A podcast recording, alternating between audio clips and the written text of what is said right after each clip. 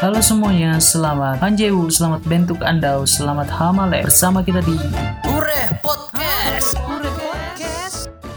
Hure ih tenah. Gak kebayang sih misalnya lockdown di tahun 2000-an awal di mana handphone masih baru baru ada di mana yang punya itu masih ya kalangan-kalangan tertentu lah kalangan-kalangan yang menengah ke atas kalau yang menengah-menengah ke bawah mungkin masih nelpon di wartel misalnya masih ngirim-ngirim surat gak kebayang sih ya kalau misalnya uh, corona terjadi pada tahun itu kita harus lockdown nggak boleh ke mana-mana nggak boleh nggak boleh mudik. Anjir. Stres kali ya. Udah nggak bisa kumpul sama temen jauh dari keluarga misalnya. Uh, zaman sekarang dipermudah banget sih dengan teknologi. Aku malah ngebayangin kayak ini konspirasi sih ya. Kita udah dikasih kemudahan segala sesuatunya tapi malah dikasih kayak gini. Uh, udah lah itu bayangan ini aja sih pikiran-pikiran aneh aja sih sebenarnya. Cuman udah patut disyukuri sih. Oh iya aku belum nyapa kalian. Halo semuanya. Uh, kalian lagi dengerin Hureh Podcast bersama saya Nugroho uh, kabar kalian gimana? Masih lancar puasanya? Semoga lancar ya uh, jadi hari ini aku mau bahas tentang privasi dan hak intelektual properti. Ini ada kaitannya sih sama teknologi yang berkembang cukup pesat sih sekarang. Handphone udah yang terbaru terbaru terus lah. Selalu upgrade jadi lebih bagus. iPhone Samsung. Dari yang harga udah harga kayak harga motor lah. Sampai yang harga yang standar untuk menengah ke bawah pun ada.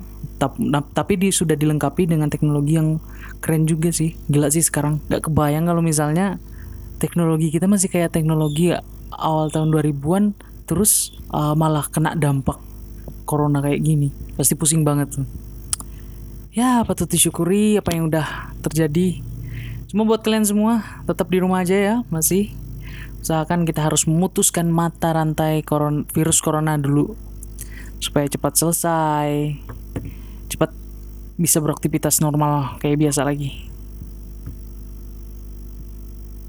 Rasanya uh, belajar online itu kayak gimana sih ya?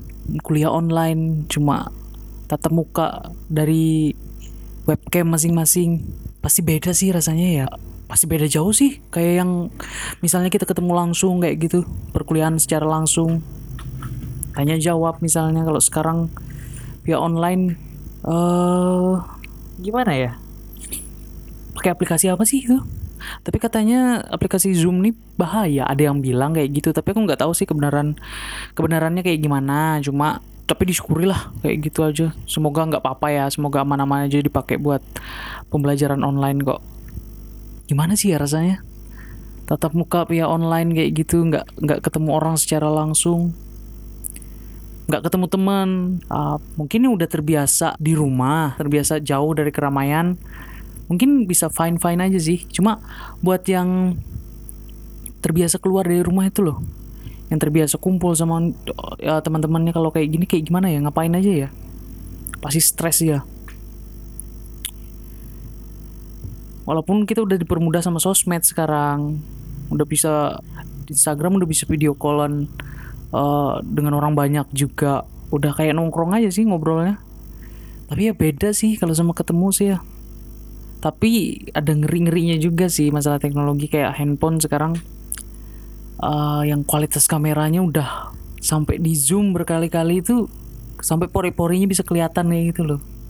Sedetail itu ada kekhawatiran juga sih sebenarnya uh, nggak menutup kemungkinan orang bisa mencari tahu keberadaan kita di mana pada waktu itu. Sekarang di mana-mana kan udah diumbar. Oh, aku lagi di sini story, masuk story. Udah kayak menipis lah privasi. Kalau zaman dulu kan kita masih lihat-lihat foto, lihat-lihat ada album foto ada dalam buku kayak gitu udah disimpan. Kita lihat dari situ, oh ini ini, dulu kayak gini, oh zaman kecilnya kayak gini, oh kita dulu kayak gini ya, buka album foto. Kalau sekarang kan udah ada Instagram, udah ada Facebook, sekarang ada Twitter. Orang curhat pun sekarang udah di sosial media ngumbar apa isi hatinya segala macam. Kalau zaman dulu masih pakai diary kayak gitu nulis di buku yang pakai gembok kecil. Nggak boleh orang tahu. Sekarang udah apa apa diumbar malah kayak minim privasi jadinya sekarang sih. Kayak dulu aku ada pernah baca artis Korea apa ya?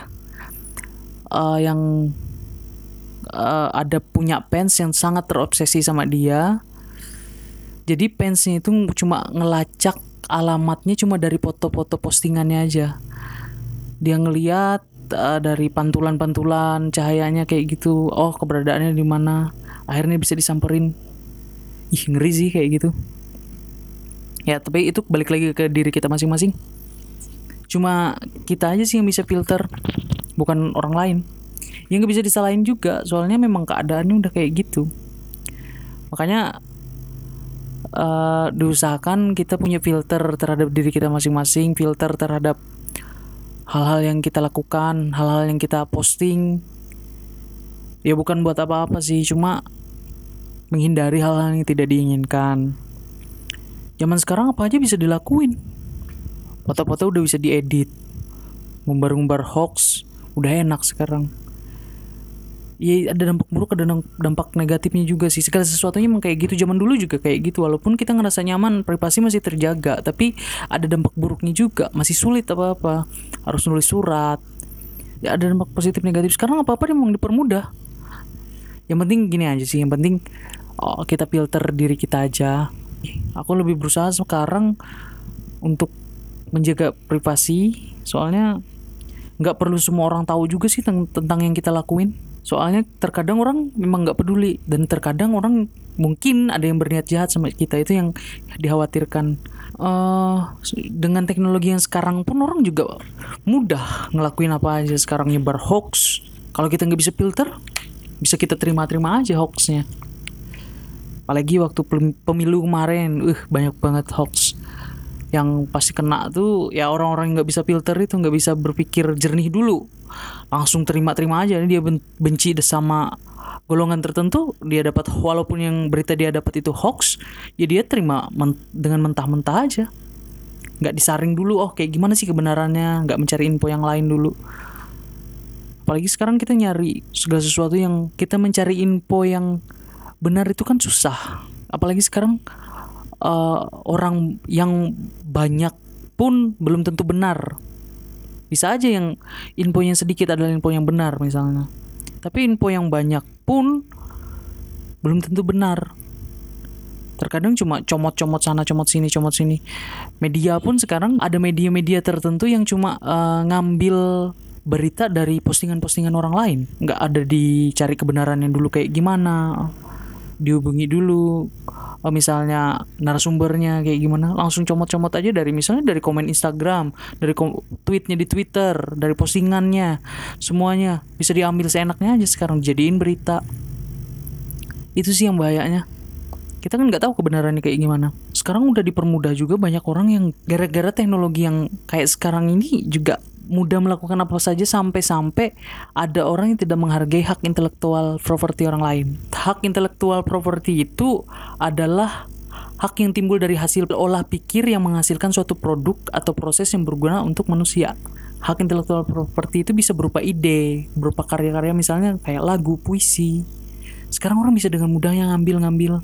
Makanya agak harus berhati-hati uh, untuk mempublish hasil karya kita supaya tidak mudah untuk dicomot oleh orang lain. Sama gini, misalnya ada juga orang yang bisa pakai foto-foto kita, bikin akun dengan nama lain, terus nyebar hoax segala macam, akhirnya kita yang kena. Cuma aku nggak tahu sih pola pikir orang kayak gitu kayak gimana sih. Minimal kasih namanya lah. Oh ini sumber dari mana. Sekarang kita bikin skripsi aja harus punya sumbernya.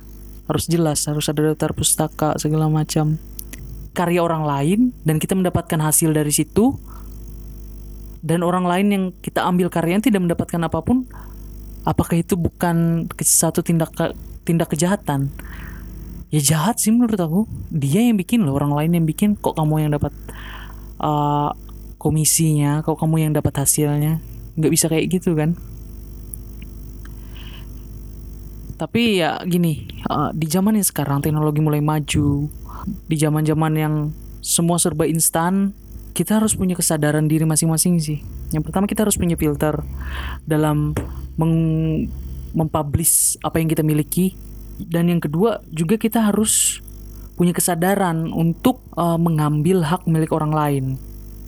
Karena itu sama aja mencuri sih menurut aku. Ya emang mencuri. Kalau kita ngambil hak milik orang lain itu pasti mencuri. Walaupun itu hak properti yang kita tidak lihat dan kita tidak bisa rasakan secara detail bendanya kayak gimana. Semua kembali ke diri kita masing-masing. Oke, kayaknya itu aja dulu podcast hari ini. Tanggal 29 bulan April 2020. Thank you. Hure Podcast. Hure Podcast. Hure ih tenah.